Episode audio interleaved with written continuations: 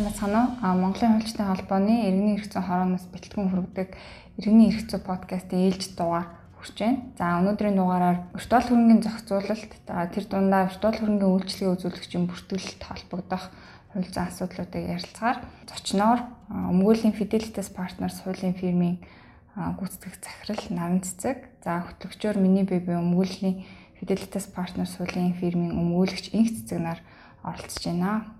За, бодол хөрөнгөний зохицуулалтын талаар ер нь үйлчлэгээ үзүүлэгчийн бүртгэлийн асуудлыг эхлээд ярихын өмнө энэ энэ бодол хөрөнгөний хөрөнгөтэй холбоотой харилцаа мань өөрөө Монгол улсын хувьд ийм одоо шинээр үүссэн харилцаа байгаа. Тэгээд энэтэй холбоотой яг тусгаалсан хуулийн зохицуулалт байхгүй явж байгаад сайхнаас буюу өнгөрсөн оноос хууль нь батлагдаад ингэ явж байгаа. Тэгэхээр энэтэй холбоотойгоор энэ виртуал хөрөнгөний одоо үйлчлэг үзүүлэгчийн тухай хуулийг батлах хэрэгцээ шаардлага Монгол улсад юу байв? Ер нь яагаад батлах болов? Хэдийгээр батлагтаад одоо яг ямар э, одоо хэмжээнд хэрэгжээ явж байгаатай холбоотой эхлээд мэдээллийг бас хүрхэн зүйтэй авах гэж бодож байна. За баярлалаа. Тэгэхээр манай хуулийн фирмийн хувьд бол энэ хуулийн виртуал хөрөнгө үйлчлэг үзүүлэгчийн тухай хуулийн төслийн ажлын хэсэг, дэд ажлын хэсэг төлөөлөлөө оролцуулж ажилласан. Мөн хуулийг хэрэгжүүлэх хүрээнд батлагдсан 8 журам дээр бас тодорхой хэмжээнд оролцож ажилласан.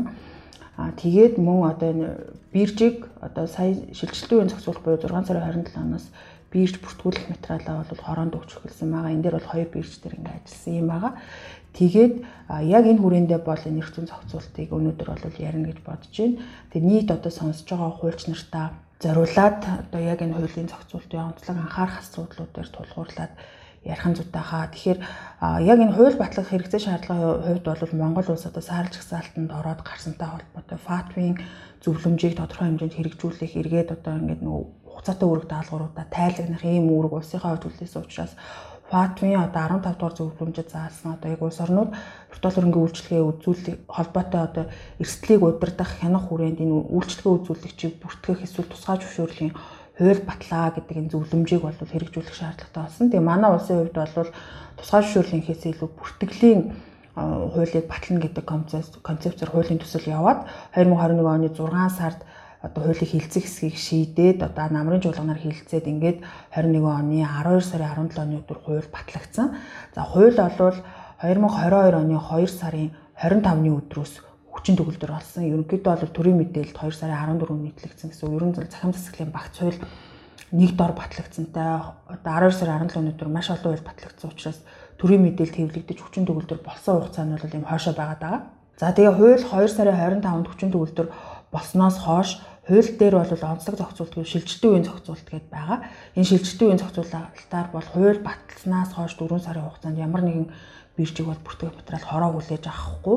За энэ 4 сарынхаа хугацаанд бол хороо хуулийг хэрэгжүүлэхтэй холбоотой нөгөө дагаж батлагдах 8 журмаа батлах ажил. Тэгээд одоо биржийн материалыг хүлээж авах нь бэлтгэл ажлаа хангасан ийм байгаа.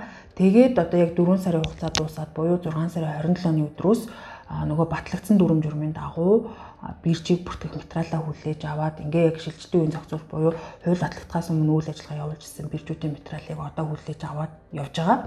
За тэгээд одоо 9 сарын 27-наас шинээр үйлчлэгээ үзүүлж байгаа буюу мөн хууль батлалтнаас хойш үйл ажиллагаа явуулсан биржүүдийн материалыг хүлээж авахар ийм одоо шилжилтийн үеийн зохицуул хуулийн хэрэгжиж байгаа байдал бол ийм байдалтай байгаа. Аа. Тэгэхээр виртуал хөрөнгөтэй холбоотой харилцаа маань өнөөдрийн онд нөгөө подкаст маань өөрөө иргэний эрх зүй чиглэлээр ийм иргэний эрх зүйн харилцаа харилцаанд холбоотой асуудлуудыг илүүтэй хөндөж ярина ярих хэрэгтэй байхаа. Гэхдээ виртуал хөрөнгийн одоо хөрөнгө болон түүнд холбогдох харилцаа маань ер нь одоо голдуу нийт эрх зүйд хамаард юм уу? Эсвэл хувийн эрх зүй салбарт хамаард юм уу? Ер нь аль салбарт нь илүү хамаард юм бэ? Энэ талаар бас ярилцъя. Аа за. Виртуал хөрөнгийн үйлчлэгээ үзүүлэгчийн хуулийн маань онцлог гэх юм бол яг үйлчлэгээ үзүүлэгчид зориулж гаргасан Монгол улсын нутаг дэвсгэр дээр болоод Монгол улсын нутаг дэвсгэрээс гадагшаага виртуал хөрөнгийн хууль дээр тодорхойлсон виртуал хөрөнгө гэдэг тодорхойлолтод хамаарах одоо бүтээгдэхүүн үйлчлэгийг үзүүлж байгаа. Виртуал хөрөнгөний одоо энэ этгээдэд буюу хуулийн этгээд зөвхөн хуулийн этгээдэд хамаатай Монгол улсад байгуулсан хуулийн этгээдэд бол энэ үйлчлэг одоо хамрах үйлчлэг хүрээний хувьд бол юм байна да. Гэхдээ яг одоо ингээм хамрах хүрээгээ ингэж тодорхойлцоод хууль дээр бол виртуал хөрөнгө, виртуал хөрөнгөний үйлчлэгийн үзүүлэгч гэдэгт хэнийг тооцох юм бэ гэдгийг ерөнхий байдлаар тодорхойлцсон. За тэгээ ингээ аваад үзэхээр яг энэ ерөнхий тодорхойлолтод хамаарч байгаа виртуал хөрөнгө За тэр хөрөнгөний одоо хэрэглээтэй холбоотой тэр хөрөнгө нь яг эдийн бус хөрөнгө муу юм уу биш юм уу? Тэр хөрөнгөний эзэмшил ашиглалтай холбоотой доллар хөрөнгө үйлчлэгээ үзүүлэгч үйл ажиллагаатай холбоотой магадгүй одоо хохиролтой холбоотой асуудлууд ч гэдэг юм уу? Тэр үйлчлэгээ авахтай холбоотой гэрээ байгуулж байгаа гэрээний зүйн харилцаанууд ч гэдэг юм уу те? Яг тэр харилцаанууд нь бол үйлчлэгээ үйлчлэгээгээ дагаж байгуулж байгаа гэрээтэй холбоотой харилцаанууд бол мэдээж иргэний хууль тогтоомж хэрэглэгдээд иргэний эрх зүйн харилцаанд хамаарат явахаар. Харин виртуал хөрөнгийн үйлчлэгээ үзүүлэгчийг бүртгэж байгаа эрх бүхий байгууллага буюу Монгол улсын хувьд бол санхүүгийн сул хороо бүртгэх эсэх шийдвэрийг гаргаж байгаа. За бүртгэгчээд үйл ажиллагаа явуулж байгаа биржийн үйл ажиллагаанд зайны болон газар дээр хяналт шалгалт хийх, үйлчлэгээгийн төр зогсоох, бүүр зогсоох а ийм одоо нөгөө шийдвэрүүд гарах эрх хэмжээ хуулиар олгогдсон мөн хууль хэрэгжүүлэх хүрээнд 8 журам батлаж мөрдүүлэх түүнийхээ хэрэгжилтийг хангуулах ийм эрх хэмжээ олгогдсон учраас хорооноос гаргаж байгаа шийдвэр хорооны хууль тогтоомжоор олгогдсон эрхээ хэрэгжүүлж байгаатай холбоотой шийдвэр үйл ажиллагаа захааны шүүхээр шийдэгдэх тэнд хэрэглэгдэж байгаа хэм хэмжээнүүд дандаа зархааны зүйн хэмжээний хэм хэмжээнүүд байгаа хууль актууд байгаа болохоор яг энэ харилцаа маань өөрөө холимог шинжтэй яг зохицуулагч байгууллага болоод виртуал хөрөнгөний үйлчлэгээ үзүүлэгч зохицуулагч байгууллагын хоорондын харилцаа бол зархааны зүйн харилцаанд хамаарат. Үйлчлэгээ үзүүлэгчийн өөрийнхөө харилцагч үйлчлүүлэгч одоо бирж дээр койнол листлж байгаа виртуал хөрөнгө гаргагч нартай харилцаж байгаа харилцаа нөр иргэний эрх зүйн харилцаа хамаарч байгаа. Тэгэхээр хууль баталгаас өмнө ч гэсэн энэ харилцаа явж исэн хэрэг ерөөсөө цэвэр гэрээний эрх зүй харилцаан дээр суурилж явж исэн. Бирчүүд одоо өөрийнхөө үйлчлэгээний нөхцөл болоод нууцлын бодлогын хүрээнд ямар дүрмээр үйлчлэгээ үзүүлэх юм гэдгээ тогтоогоод тэрийг хөлийн зөвшөөрөөд ороод өөрийнхөө мэдээллийг өгөөд бүртгүүлээд ороод ирж байгаа хэрэглэгч нарт тэд нартай байгуулсан гэрээгээр үйлчлэгээ үзүүлжсэн ийм гэрээний эрх зүйн харилцаа явж исэн. Тэгэхээр яг харилцааны хувьд онцлог нь бол ийм байж байгаа. Тэгэхээр одоо виртуал хөрөнгийн ойлголтыг бол хууль тодорхойлохдоо за энэ бол одоо мэдээж хэрэг Монгол банкнаас ч гэдэм үү гаргасан аль биесны мөнгөнд тэмдэгт биш ээ тий аль аль нэг улсын төв банкнаас гаргаж байгаа бас мөнгөнд тэмдэгт биш ээ. А дээр нэмээд цахим мөнгө биш ээ. Гэхдээ одоо тухайн одоо виртуал хөрөнгийг төлбөрийн болоод хөрөнгө оруулалтын зорилгоор ашиглах боломжтой. А ингээд үн цэнийн дижитал илэрхийлэл буюу эдийн бас хөрөнгө маа гэж тодорхойлсон байж байгаа тийм. Тэгэхээр Монгол улсын иргэний хуулийн эдийн бас хөрөнгийн тодорхойлолт за энэ виртуал хөрөнгийн тодорхойлолтоос ингээ харахаар төлбөрийн зорилгоор болон одоо хөрөнгө оруулалтын зорилгоор бол ашиглах боломжтой юм хөрөнгө юм байна гэж харагдаж байгаа эдийн бас хөрөнгө. Аа тэгэхээр энэ дээр нөгөө Монгол банкнаас болон санхүүгийн зохицуулах хорооноос удаа дараа одоо мэдээлэл одоо гаргадаг тийм олон нийтэд чиглэсэн мэдээлэл гаргадаг. Энэ мэдээллүүдээр одоо виртуал хөрөнгө бол ямар нэгэн байдлаар төлбөр тооцоонд ашиглагдах юм зүйл биш ээ. Бид нар энийг бол хүлээн зөвшөөрөхгүй. А энэ нь болохоор тэр төлбөр тооцоог үндэсний мөнгөнд тэмдэгтэр гүйцэтгэх хууль бас мөн үндэсний төлбөр тооцооны тухайлбал тий төлбөрийн систем төлбөрийн системийн тухайлбалаар бол ингээд зөвшөөрөгдөхгүй маа гэдэг ийм зүйлийг ярьдаг. Тэгэхээр энтэй холбоотойгоор яг хууль зүйн хувьд нь аваад үзэхээр одоо хуулийн дээрээ эдийн бус хөрөнгө юмаа гэж тодорхойлсон байгаа тохиолдолд иргэн өөрийнхөө одоо эдийн бус хөрөнгийг одоо бусад бараа үйлчлэгээр эсвэл одоо хөрөнгөөр солилцох боломж нь нээлттэй байна гэж ойлгож байгаа. Энэ дээр тайлбар гэмтэй хуульчин хувьд тайлбарлах юм бол бас хуульч гэсэн энийг бас их анзаарч байгаа хэл та. За тийм. Тэгэхээр одоо яг үгүй яг энэ иргэний эрх зүйд хамаарат байгаа хэсэг дээр л одоо цаашдаа магадгүй иргэний эрх зүйг сонирхол судалдаг манай хуульч нарын ч юм уу судлах хэвээр хамгийн сонирхолтой асуудал бол яг энэ эзэмшил яг яг хөрөнгө одоо эдийн бас хөрөнгө манай хууль дээр бол бүр эдийн бус хөрөнгө гэж тодорхойлцсон байгаа учраас одоо хөрөнгө муу юм уу биш юм уу гэж ярих боломжгүй болчиход байгаа байхгүй Монгол улсын хувьд бол тэгэхээр эдийн бус хөрөнгө юм байна. Хууль тогтоогч өөрөө энийг эдийн бус хөрөнгө гэж тодорхойлцсон юм чи эдийн бус хөрөнгө юм байна. Тэгвэл энийг дагсан одоо нөгөө виртуал хөрөнгөхийн төрлийн хувьд те яг одоо унцаасаа баталгаажсан токен одоо яг хэрэглээний токен гэдэг юм уу те ингээд эн чинь дотроо олон төрөлтэй болохоор төрлөө дагаад онцлог нь юу вэ? Яг аль нь дээр нь төлбөрийн зорилго гэдэг юм утгаар нь яригдах хэвээр. Тэг яг эзэмшил нь яаж яваад байгаа ингээд яг юм эзэмшлийг дагсан сонирхолтой судалгаанууд бол яг хийгдгээс өөр арга болчиход байгаа болчиход байгаа. Тэгэхээр эзэмшлийн хувьд ч гэсэндээ яг одоо манай нийтийн бус хөрөнгө гэж тодорхойлох нь яг оновчтой байсан уу юу гэдэг дээр ч гэсэн судалгаанууд бол хийгдэх шаардлагатай харагдаж байгаа. Яг ерөнхийдөө бол зүгээр нэгэнтээ Монгол улс хууль дээр виртуал хөрөнгийг тодорхойлохдоо нийтийн бас хөрөнгө юмаа гэж тодорхойлчихсан хууль тогтоогч өөрөө тодорхойлчихсан юм чинь үнэхээр тэр үр эдийн бус хөрөнгөл юм бол эзэмшиж байгаа этгээд те захиран зарцуулах эрх нь бол байх хэвээр тий захиран зарцуулах эрх нь байх хэвээр. Тэгэхээр за би эзэмшиж байгаа токно машин худалдаж авахдаа төлбөрийн тодорхой хэсэгт оролцуулъя. Ингээд нэм арилжааны ингээ оролцуулаад ашиглая. Худалдаа авалтын тодорхой хэсэгт ашиглая гэх тохиолдолд тэр үнэхээр эдийн бас хөрөнгө гэдгийг хууль тогтоогч тогтоосон юм бол тэрийг одоо оролцуулж ашиглаж болохгүй гэж шууд тогтоохоос боломжгүй болчиход байгаа. Тэгэхээр анханасаа энэ хуулийн төсөл дээр уртуул хөрөнгийг тодорхойлохдоо түүний одоо уртуул хөрөнгийнх нь өөрийнх нь онцлог хэрэглээнийхэн шинж чанараас хамаарат яг ямар токны хувьд юу тэгвэл энэ хууль бүр хамаарат байгаа юм тий. А тэгэхээр алин дээр нь тэр төлбөрийн зорилго одоо төлбөр тооцоонд ашиглаж болохгүй гэдэг хоригл тавих боломжтой гэдгийг бол яг уу нарийн одоо судал зааглаж бол хуульчлаагүй юм байна гэд судлаач хуульчийн хувьд шүүмжлэлтэй хандах юм бол байгаа. Тэгээ практик дээр зөвлөгөө өгч ажиллаж байгаа ч гэсэн тэгээ төслүүд бол ингээ white paper-ыг харахад л анханасаа ингээ төлбөр тооцоонд оруулах замаар үнцэнээ өсгөнө гэд хөдөлж авч байгаа хэрэглэгч нартаа white paper дээрээ бичээд ингээд амлчихсан ажлыг хийх гэхээр Монгол анх мэдээлэл хийгээд төлбөр тооцооны хууль зөрчөөд байна. Монгол улсын нутаг дэвсгэр дээр аливаа ажил үйлчлэгийгний одоо үнэлгийг төлбөрөөр тогтоож төгрөгөөр төгрөгөөр тогтоож төгрөгөөр гүйцэтгэх нэ Тийм учраас оролцож болохгүй маа гэд ингээд идэг. Тэгэхээр Монгол анхны хувьд бол хэрэгжилтэнд хяналт тавьж байгаа одоо хоёр хуулийнхаа хүрээнд мэдэгдэж байгаа нь зүг боловч эдгээр хуулийнхаа хэрэглээ уялдаа холбоог яаж тогтоох байсан бэ гэдгийг бол бас судлах шаардлагатай байсан л харагдаад байгаа. Тэгэхээр эн чинь одоо нөгөө надад ч ихсэн одоо юу гэдэг илүү энэ эзэмшил эдийн бус хөрөнгөтэй холбоотой юм тодох хүрээнд чамаг дэлгэрүүлж яриасаа гэж хүсэж байна л да. Тэгэхээр маань хуулиндаа бол фатвын тодорхойлтыг авч шууд хэрэгэлсэн, орчуулсан те. Гэхдээ тэр орчуулга тэр бол орчуулгын зөрүүтэй байдлууд үүснэг бол бид нар бол одоо мэдээд байгаа. Тэгэхээр яг одоо энэ виртуал хөрөнгө гэдэгт одоо манайх бол яг виртуал хөрөнгө гэж тодорхойлсон тийм. Виртуал asset, digital asset гэд ингээд янз янзаар улс орнууд тодорхойлж байгаа. Яг энэний тодорхойлолтод хамаарат байгаа сүүлд бол манай санхүү зөвлөгөөр NFT ч гэсэн энд хамаарна гэд тодорхойлчихж байгаа тийм. Тэгэхээр энэ виртуал хөрөнгийн төрөл тэр төрлүүдтэй холбоотой төрлөөс нь хамаарсан яг энэ төлбөр тооцооны зорилгоор ашиглаж болно болохгүй гэдэгтэй яг тийм онцлог юм нь юу байгаад байгаа бэлээ. Тэгээд энэ төрлөө дагсан эзэмшил тийм бас хөрөнгөний ойлголт нь анхаарах юм нь олон улсад ямар шугам байгаад байна гэдэг дээр бас жоохон нэмэд ярил зүгээр хаа.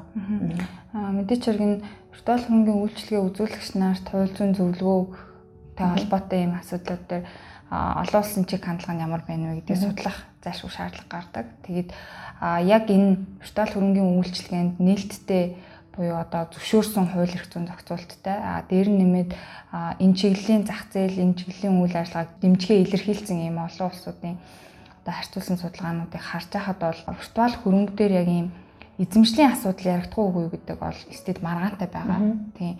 А өөрөөр хэлбэл энд одоо нөгөө үн цэн нь бол шууд одоо тогтвортой байдаггүй. А хэдийгээр эзэндээ ямар нэгэн байдлаар үр өгөөж хүртээх нь бол ойлгомжтой байгаа боловч зарим үед ямар ч одоо үн цэнгүй байх боломжтой. Өөрөөр хэлбэл тэр ханшийн хит уналт байдаг ч юм уу, хит өсөлтч байд юм уу. Тэр өөрөө тогтворгүй байгаад байгаа нь энэ яг хөрөнгө гэж тодорхойлох боломжтой үгүй гэдэг дээр бол илүү одоо яг нэг тогтсон шийдэл төрийг бол явж байгаа юм байна.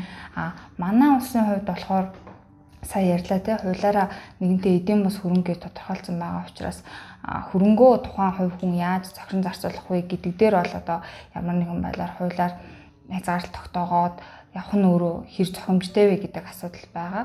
А дээр нэмээ тэр манай улсын одоо энэ виртуал хөрөнгөний үйлчлэгээ үзүүлэгчийн тухай хуулаар зохицуулаагүй орхигдуулсан бас нэлээдгүй харилцаанууд байдаг. Тэрний нэг нь болохоор одоо бусад улсуудыг харж байхаар төлбөрийн одоо мэдээч хэрэг албан ёсны яг мөнгөнд тэмдэг төгрөгч гэдэг юм уу доллартай яг тэнцүү хүлэн зөвшөөрөгдөхүүц тийм төлбөрийн хэрэгсэл бол биш те.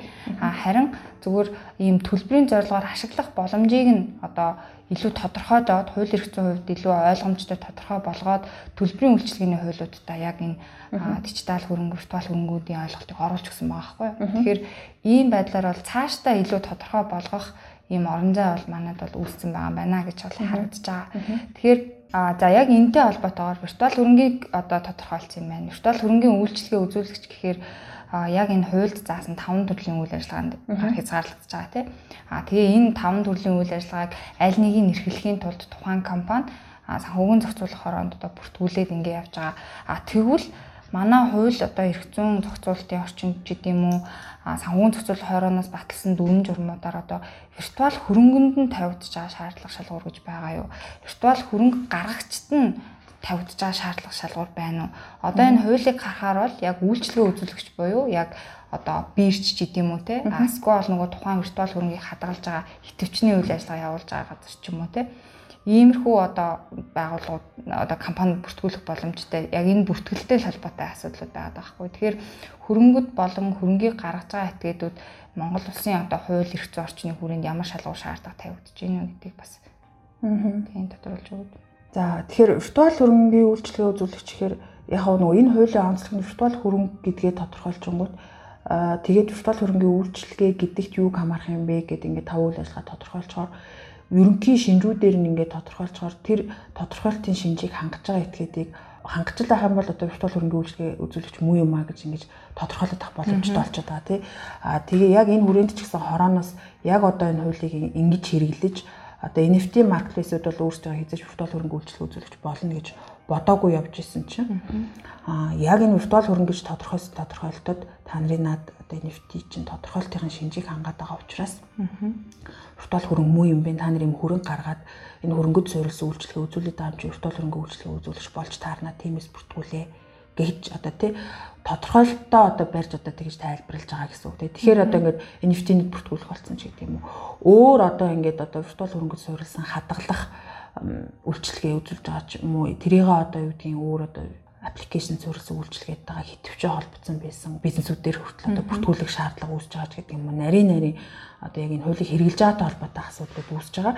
А гэхдээ ерөнхийдөө нөгөө анханасаа хуулийн төсөл дээр явагдаж байгаа ш тэр тодорхой тавьсан шаардлагууд бол ерөөсөө энэний нөгөө анхны хууль батлах хэрэгцээ шаардлагатайгаа уялдахаар одоо энэ биржийн систем мөнгө угаах эрсдэлд одоо мөнгө угаахад ашиглагдах үе гэж тэрний эрсдлийг бууруулах хүрээнд удирдах хүрээнд тэрнээс одоо өрсөн сэргийлэх хүрээнд бүртгэлж үүсэн. Тэгэхээр бүртгэхдээ виртуал хөрөнгөний үйлчлэгээ үзүүлэгчид маш олон шаардлага бол манай хуулиар тавьсан.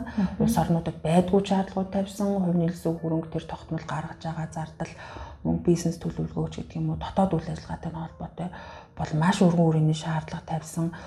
Бүр энээс ч илүү өргөн үрийн туйлшлагдаж болох байсан одоо хилцүүлгийн явцад энэ мэрэгжлийн одоо яг энэ талаар үйлчлэг үзүүлж байгаа хүмүүсийн төлөвлөлийг оролцуулсан гэж нээлттэй сонсож ажилласныхаа хүрээнд бол шаардлагууд бол суларчаад байгаа.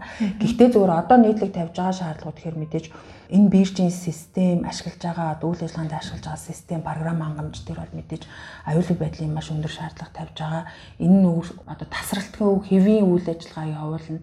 Аюулгүй байдал нь одоо хангагдсан маа гэдгийг нотлох хүрээнд одоо олон шаардлагууд тавьж байгаагийн хамгийн одоо тодорхой шаардлага бол одоо сүүлд журмыг батлахдаа зарим стандартын шаардлагуудыг 2023 оны 3 сарын 31-ээс эхэлж одоо үйл ажил одоо системд нэвтрүүлэхээр тавьсан бол ISO 27001-ийг болвол одоо биржээр бүртгүүлэх хүсэлт гаргахтаа хангацсан байх шаардлага тавьчихж байгаа.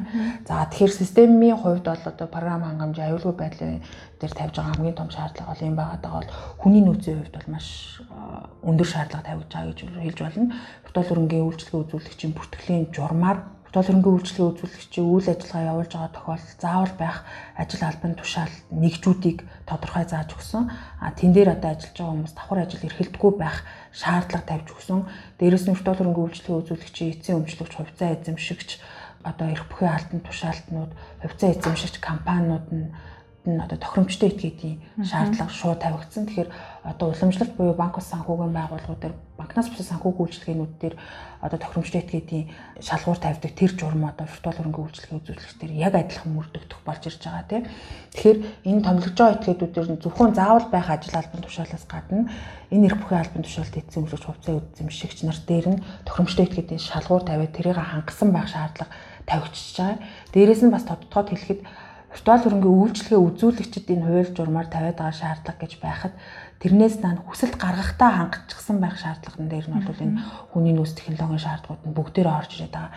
За дээрэс нь гадна маш олон дүрм журм бодлогын баримт бичгийг батлах үүргийг энэ журмуудаар хүлээлгсэн. За мэдээж одоо ямар үйлчлэгээний нөхцөл хэрэглэгч нарт санал болгох гэж байгаа юм бэ? Үйлчлэгийн нөхцөлтэй бай, тий. За одоо хүний хувийн мэдээлэл хамгаалалт хууль батлагдсантай холбоотой хүний мэдээллийг яаж боловсруулж хадгалж ашиглах гэж байгаа юм бэ? Энтэй холбоотой нууцлын бодлоготой бай.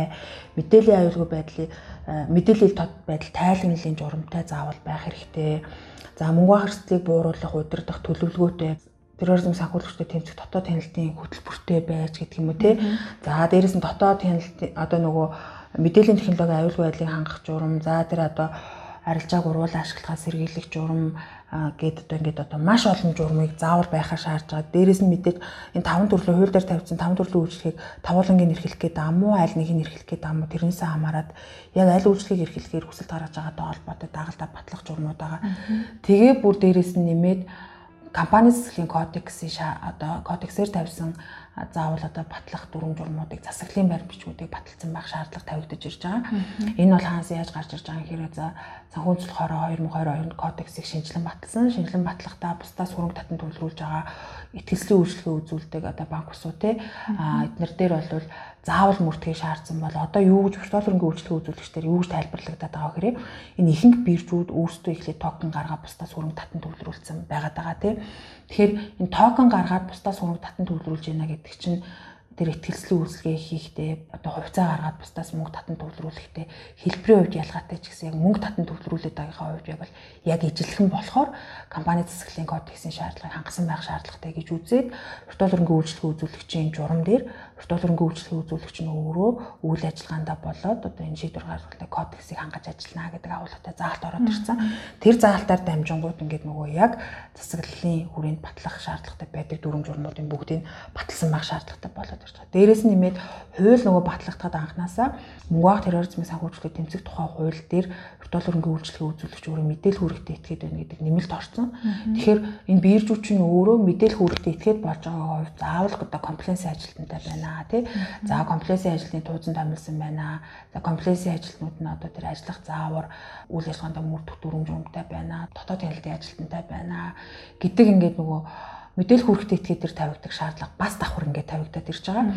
Тэгэхээр өнөөдөө ингээд үзэхээр одоо виртуал хөрөнгөний үйлчлэгээ үзүүлэгчийг бүртгүүлэхэд бүрдүүлэх баримт бичиг гээд бүртгэлийн журмын хавсралтаар нэг 17 төрлийн баримт бичгийг баталчаад байгаа боловч яг ингээд нөгөө задлаад аваад үзсэн 22 төрлийн баримт бичиг баталчаад байгаа боловч яг ингээд саяны мэдээлэл хүрэхтэй этгээд болж байгаагаа хувьд одоо нөгөө эрх бүхий албан тушаалтнууд нь тохиромжтой этгээдийн шаардлага хангасан байх ёстой ийм шаардлага тавьж байгаа үед тэгээ яг таван төрлийн үйл ажиллагаанаас алийг эрхлэхээр хүсэлт гаргаж байгаа энэ тэр онцлогоос хамаарат ерөөсөө тавигдж байгаа шаардлага бүртээ бүрдүүлэх баримт бичиг нь өөрөө энэ бүртгэлийн журмын хавсартаар баталсан 22 баримт бичгээр хязгаарлагдахгүй маш өргөн хүрээнд болчихж байгаа болохоор энэ дээр манай хуульч нарын оролцоо тэр одоо уялдаа холбоонуудыг хангаж яг ямар төрлийн үйл ажиллагаа эрхлэж байгааг нь хамааруулж баримт бичгийг бэлдэх засаглалын шаардлагыг хангуулах мэдээлэл хүргэдэг этгээдийн хувьд хүлээсэн тэр үргийг одоо биелүүлж хангуулах тохиромжтой этгээдийн шаардлага хангасан байхад маш олон этгээдийн нэр дээр материал зөвлөх төрийн байгууллагаас болоо компаниас өөрөөс нь зөвлөх материалуудыг бэлтгэх гээд ингээд яг энэ хэсэг дээр бол хуульч нарын хуулийн фирмуудын оролцоо маш өргөн ямар ч одоо хуулийн багтай компани байсан бэлтэж одоо амжихгүй байх хэмжээний баш гэдэг болон бичиг баримт бэлтэх болчиход байгаа юм л да. Тэгэхээр тавьж байгаа шаардлагын хүрээнд бол манайх маш өргөн хүрээнд тавьчихсан болохоор тэр шаардлагуудыг хангаж байгаа гэдгээр нотолж бэлтэх баримт бичгийн хувьд бол бас ингээд маш өргөн болчихж байгаа.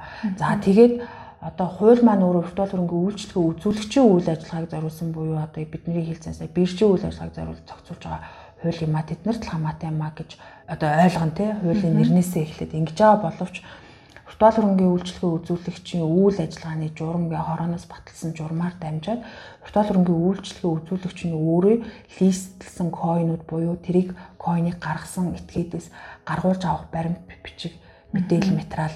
За тэрийг өөрийнхөө сайтаар одоо ингээд заавал одоо мэдээлнэ гэдэг ингээд виртуал хөрөнгөний үйлчлэгээ үзүүлэгчийн листсэн койноор дамжуулаад виртуал хөрөнгө гаргагчаас заавал гаргуулах мэдээлэл материал тэдний ил тод байлгах шаардлагатай. Одоо ядчил бүхий албан тушаалтан эцсийн өмчлөгчийн мэдээллийг те гаргуулж аваад сайтн дээрээ ил тод тавих гэдэг ч юм уу. Ийм ил тод байдалтай холбоотой ингээ үүргүүд ороод ирчихээр зөвхөн одоо энэ дүрм журм бол виртуал ингээ үйлчлэг үзүүлэгчтэй л хамаатай юм аа. Тэн дотор хамаарж байгаа хүмүүс хамаатай гэж ойлгох боломжгүй болчиход байгаа. Ер нь бол үйлчлэг үзүүлэгч рүү бол үйл ажиллагааны журмаар дамжаад орж ирж байгаа ийм болж байгаа. Тэгэхээр яг одоо ахаад энэ бүртгүүлэгтэй холбоотой бас нэг онцлог зохицуулт үйл энэ дээр шилжилтийн үйл зохицуулт гэж яваад байгаа тий 6 сарын 27-нд хууль батлагдахаас өмнө үйл ажиллагаа явуулсан биржүүд бол материалаа 2 сарын дотор багтааж өгөх ёстой.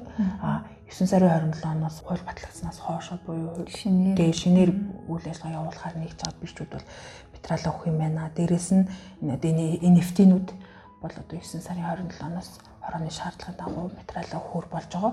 За мөн өөрсдөө өртөө төрөнгийн үйлчлэгээ үзүүлэх гэж бодоогүй янз бүрийн хэвтөвчний үйл ажиллагаатайгаа койныг одоо холбосон. Тийм одоо бизнес шийдэл гаргаад одоо ингээ үйлчлэгээ үзүүлээ явж исэн. Бизнесүүдийн хувьд бол бас ингээ өртөө төрөнгийн үйлчлэгээ үзүүлэгч болж хувирж байгаа учраас одоо ингэж тайлбарлаж байгаа хорой нүүлийг ингэж хэрэгжилж байгаа учраас яалчгүй өөрөө хуулийн дээр ингэ тодорхойлчихсан учраас бол ийм шаардлагатай болж ирж байгаа болохоор эднэр бол 9 сарын 27-наас материалаа өгөх юм байна. Тэгэхээр маш их өргөн хэмжээний сая ингээ нөгөө багцлаад дуртахад ийм олон шаардлагууд тавьж байгаа учраас энэ шаардлага хүсэлт гаргагчийн хувьд хангацсан байх хэрэгтэй. Тэгээ хангаж байгаа нотлож баримт бичиг бүрдүүлэх болчих учраас бэлдэх айгу шаардлагатай зүйлүүд бол бий болж байгаа гэсэн үг. За тэгэхээр одоо би өдөө үедээ яг манай үйлчлүүлэгч нарын хувьд ч гэдэг юм уу одоо хэрэглэгчийн гэрээ, харилцагчийн гэрээ тэр гэрээтэй холбоотой харилцаануудыг яг дагнж ажилтдаг, бичдэг. Нэг цэцэг өөрөө тэгдэг болохоор би нэг цэцгээс асуумаар байна л да. Яг уртуул хөрөнгө хууль дээр бол уртуул хөрөнгө үйлчлэгээ үзүүлэх гэрээ гэд гэрээн заавал тусах 13 нөхцөлийг бол хуульчилсан тийм.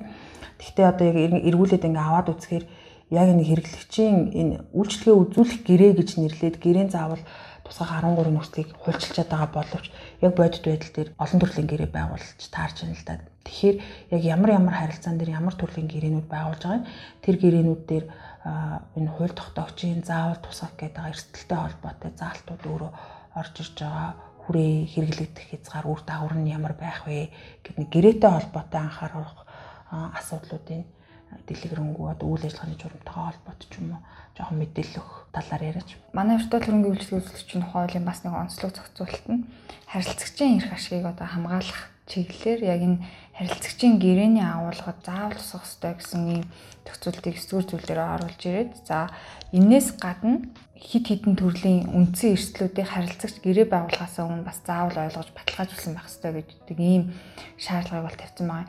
Тэгэхээр энэ талаасаа харах юм бол за нэгдүгээрт одоо иргэн гэх юм уу хуулийн этгээд дол хөрөнгөний үйлчлэгээ үзүүлэгчээс үйлчлэгээ авахд эхлээд одоо баталгаажуулсан байх хэрэгтэй зүйл нь юу байгаа вэ гэхээр эрсдлүүд байж байгаа. Тэгэхээр виртуал хөрөнгө маань өөрөө ханшийн одоо хит зөрүүтэй байдал нь аа дээр нэмээд бусад одоо зөвхөн тухайн одоо виртуал хөрөнгөний үйлчлэгээ үзүүлэгчдээр арилжаалагдж байгаа хэмжээгээр өвн ханш нь тогтдогч гэдэг юм уу.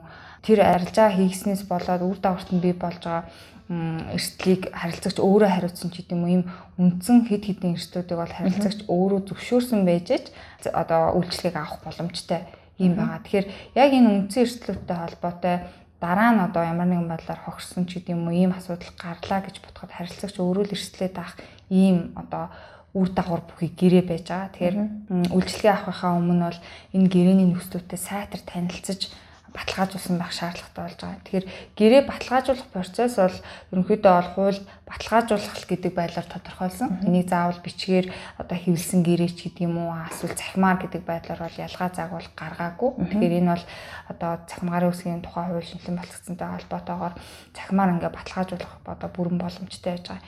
За дараагийн нэг том гэрээний харилцаа болохоор хуулийн 6-гийн 1-ийн 5-д байж байгаа. Виртуал хөрөнгийг олон нийтэд санал болгох явцад виртуал хөрөнгө гаргагч болон тухайн одоо виртуал хөрөнгөний үйлчлэгээ үзүүлэгч нартай байгуулах хамтын ажиллагааны гэрээ гэж байгаа. За энэ хамтын ажиллагааны гэрээний зохицуулт бол хуулиар биш яг нөгөө виртуал хөрөнгөний үйлчлэгээ үзүүлэгч үйл ажиллагааны журмаар тавьж байгаа юм шаардлага.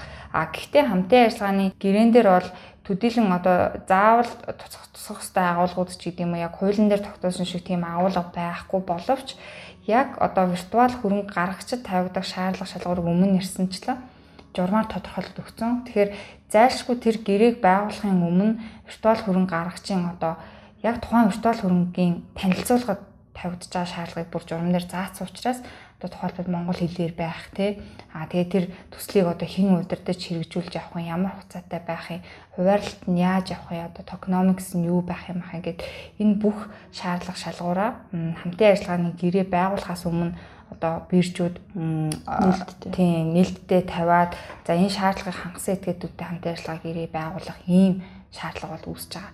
За дараагийн нэг гэрээний одоо орж ирэх төрөл нь болохоор тухайн одоо виртуал хөрөнгийг олон нийтэд санал болгохтой холбоотойгоор виртуал хөрөнгийг тухаас яг виртуал хөрөнгийг худалдах худалдаа авах гэрээний ийм ойлголт орж ирж байгаа.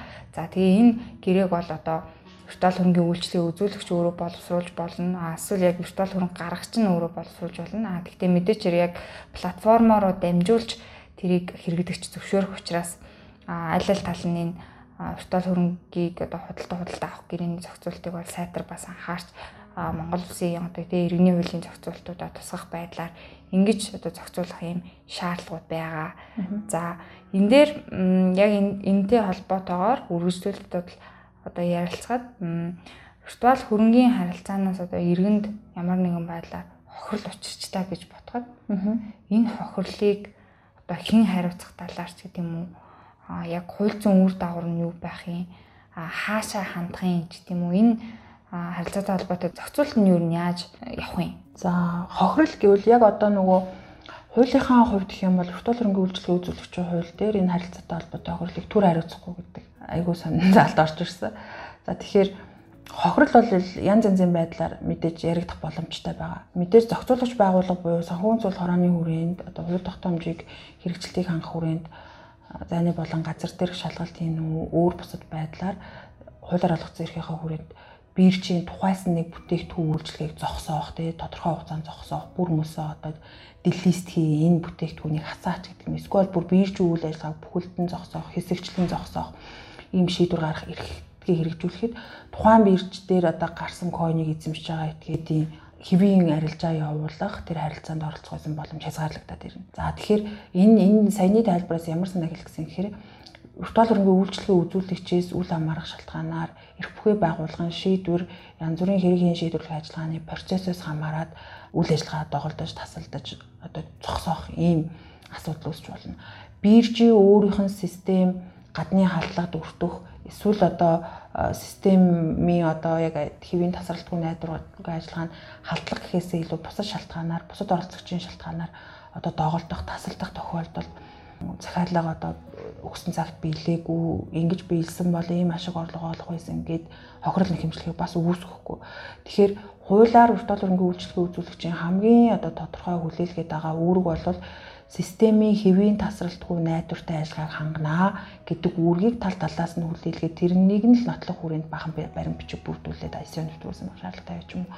Ингээд байгаа тийм. Тэгэхээр энэ үүргийг тасалдсан гэдэгтэй холбоотой ингээд хохирол яригдах боломжтой. Дээрээс нь хэрэглэгч өөрөө өөрийнхөө хитвчийн нууцуг аюулгүй байдлыг өөрийнхөө мэдээллийн аюулгүй байдлыг хангаж чадаагүй өөрөөсөө шалтгааллах цэвэр одоо юм шалтгаанаар өөрийнхөө хөрөнгийг одоо алдах тий алдагдах буруу шилжүүлэг хийгээд ингээ хохирол амсах боломжтой. За тэгэхээр энэ яг олон шалтгаануудыг яг хаана нь яг аль хувилбараар хохирол яригдж байгаа вэ гэдгээс хамаарат бусад хууль тогтоомжийнхоо хүрээнд бол одоо хохирол ярих бүрэн боломжтой. За хорооны шийдвэр үйл ажиллагаатай холбоотой бирж өөрөө хохирол ажиллагаа гэж үздэг юм уу? Биржийн харилцагч хохирол ажиллагаа гэж үздэг юм уу? Ингүүл хорооны шийдвэр үйл ажиллагааг захиргааны байгууллага гэдэг утгаар нь захиргааны шүүхэд одоо өгөөд тэ эхлээд одоо хяналтын зөвлөлтийн гомдлоо гаргаад цаашаа одоо ингээд захиргааны шүүхтэй хандаад ингээд захиргааны хэргийн шийдвэрлэх ажиллагаа явуулаад яг тэр үнэхээр хууль зөрчсөн юм нийцсэн юм уу гэдгээ тогтоолгох боломж нь бол нээлттэй байна. Энтэйгээ хамт утгаад байна уу дараа нь байна уу ингээд хохирлоо яриад ингээд явах боломжтой. Аа яг одоо ингээ гадны халдлага одоо юм яг кибер аюулгүй байдалтай холбоотой гэмтэргийн шинжтэй үйл ажиллагаанаас болоод бирч нь өөрөө эсвэл түүний хэрэглэгч нь хохирол өртсөн бол тусдаа эрүүгийн хэргийн шийдвэрлэх ажиллагаа явагдаж ээж түүнтэй хамтдахад эсвэл дараа нь хохирлын асуудлаа дараа нь ярих болчихж байгаа. Тэгэхээр виртуал хөрөнгөний үйлчлэгээ үзүүлэгчийн тухай хуультай хамт батлагдсан кибер аюулгүй байдлын тухай хууль гэж байгаа. Энэ хууль батлагдсантай холбоотой эрүүгийн хууль дээр бас нөгөө кибер гэмтэргийн бүлэг дээр нэмэлт өөрчлөлт ороод гэмтэргийн ойлголт одоо юмнууд бол жоохон жоохон өөрчлөгдсөн байгаа даа.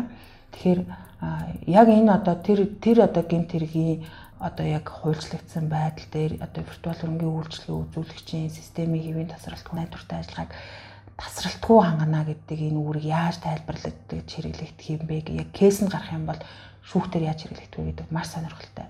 Манайх бол яг энэ тал дээр одоо нээлтийн нэгэн форумын ихтгэл эрснийг судалгаа бол хийж байгаа хараахан дуусаагүй. Ийм сонирхолтой асуудал байгаа. За цэвэр одоо юу гэдгийг биржтэй coin гаргагчтай байгуулсан тэр coin худалдаа худалдаа авах гэрээ яг бирж дээр хийсэн захиалгатай холбоотой захиалга биелэгдсэнтэй холбоотой биелэгдсэн биелэгдээгүй гэдэгтэй холбоотой хэрэглэгчээс койн эзэмшигчээс ингээ гомдол гаргаа явах тохиолдол иргэний эрх зүйн нийтлэг зохицуултынхаа хүрээнд яг байгуулсан гэрээнийхээ зохицуултыг бариад иргэний шүүхтэй хохирлоо хэмжлээд явах боломжтой. Гэхдээ ер нь бүхэлд нь ингээ аваад үзэхээр энэ одоо яг одоо юу гэдэг яг тийм биржийн эсрэг гаргаж явах төр хохир нэг хэмжлэг асуудал төр бол өөрөө нөгөө энэ төрлийн одоо койны арилжаа ч юм уу захиалах ч юм уу яг энэ өөрөө өндөр эрсдэлтэй ханшийн алдагдал хүлээж болох эрсдэлтэй үйл ажиллагаа гэдгийг хүлээн зөвшөөрөөд тэр эрсдлүүдийг бирж ч гэсэн урдсан сануулах гэрээ байгуулахаас өмнө сануулах буюу тэр үйлчлэгээний нөхцлүүд дээрээ сануулах ёстой эрсдлүүдэд тавьсан байгуулж байгаа гэрээн дээрээ тавьсан тэрийг хүлээн зөвшөөрөөд орж ирээд байгуулагдсан бол гэрээгээ байгуулад энэ харилцаанд орсон бол тэр хохирол яг нотлогдож хангагдах уу гэдэг дээр бас хууль хэрэглээний энэ олон байгууллагад байгаа бичиг баримт тэр урдсан сануулах үүргийг ямар хүрээнд хэрэгжүүлсэн гэдэгтэй холбоотой хэрэглээний маш сонирхолтой асуудлууд бол үүсэх боломжтой байгаа. Тэр үндсэндээ бол юу гэхээр маш эрсдэлтэй шийдвэр үйл ажиллагаа болохоор мэдээж эрсдлээ өөрөө хариуцах хэрэгтэй гэдэг ухамсарлсан байх хэрэгтэй, судалсан байх хэрэгтэй, мэдсэн байх хэрэгтэй гэдэг энэ ерөнхий ойлголт бол угаасаа явж байгаа. Тийм ч учраас одоо юу гэдэг төр хариуцахгүй шүү гэдэг тэр заалт бол хуулийн дээр орж ирээд байгаа. А тэгвэл тэр төр хариуцахгүй гэдэг тэр хуулийн зохицуулт бол мэдээж хорооны буюу зохицуулагч байгууллагын бусад энэ дээр оролцож байгаа оролцогч төр эрх бүхий байгууллагын шийдвэр үйл ажиллагаатай холбоотой хэнийг тохирол учирсан бол тэрийг нь хэмжлэх хэрэг бол угаасаа хязгаарлахгүй. Тэгж тэгж тайлбарлах боломжгүй.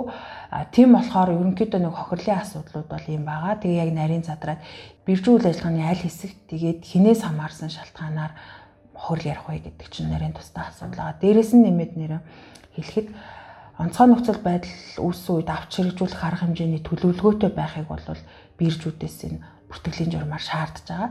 Тэр онцгой нөхцөл байдлын үе гэдэг нь юу гэдэг юм бэ гэхээр биржийн үйл ажиллагаа тасалдаж болох одоо биржийн үйл ажиллагаанд халдлага үүсч болно. Тэгээ бирж бүр ингээ бирж одоо бүр ингээ нөгөө татан буугдах шийдвэр гаргаад татан буугдлаа гэхэд энэ ингээ нөхцөл байдлуудад онцгой нөхцөл байдлууд үүссэн үед яаж ямар арга хэмжээ авахын бүртгэлтэй хэрэглэгч харилцагч коин эзэмшигч нарынхаа хөрөнгийг шилжүүлэхийн хохирлын барагдуулах юм бэ гэдэг дээр бол ерөнхий ядаж ерөнхий байдлаар ч гэсэн төлөвлөгөөгөө гаргаад хоронд бүртгүүлэхдээ өгсөн байхыг шаардж байгаа. Тэгээ хороо тэрийг авч яана гэдэг чинь эргүүлээд тийм нөхцөл байдал бий болох үе төлөвлөгөөнийхөө дагуу ажиллахыг шаардах тийм одоо эрх зүй харилцаа үр дагавар бол үүсэж байгаа гэж бол хувьчин зүгээс харж байгаа.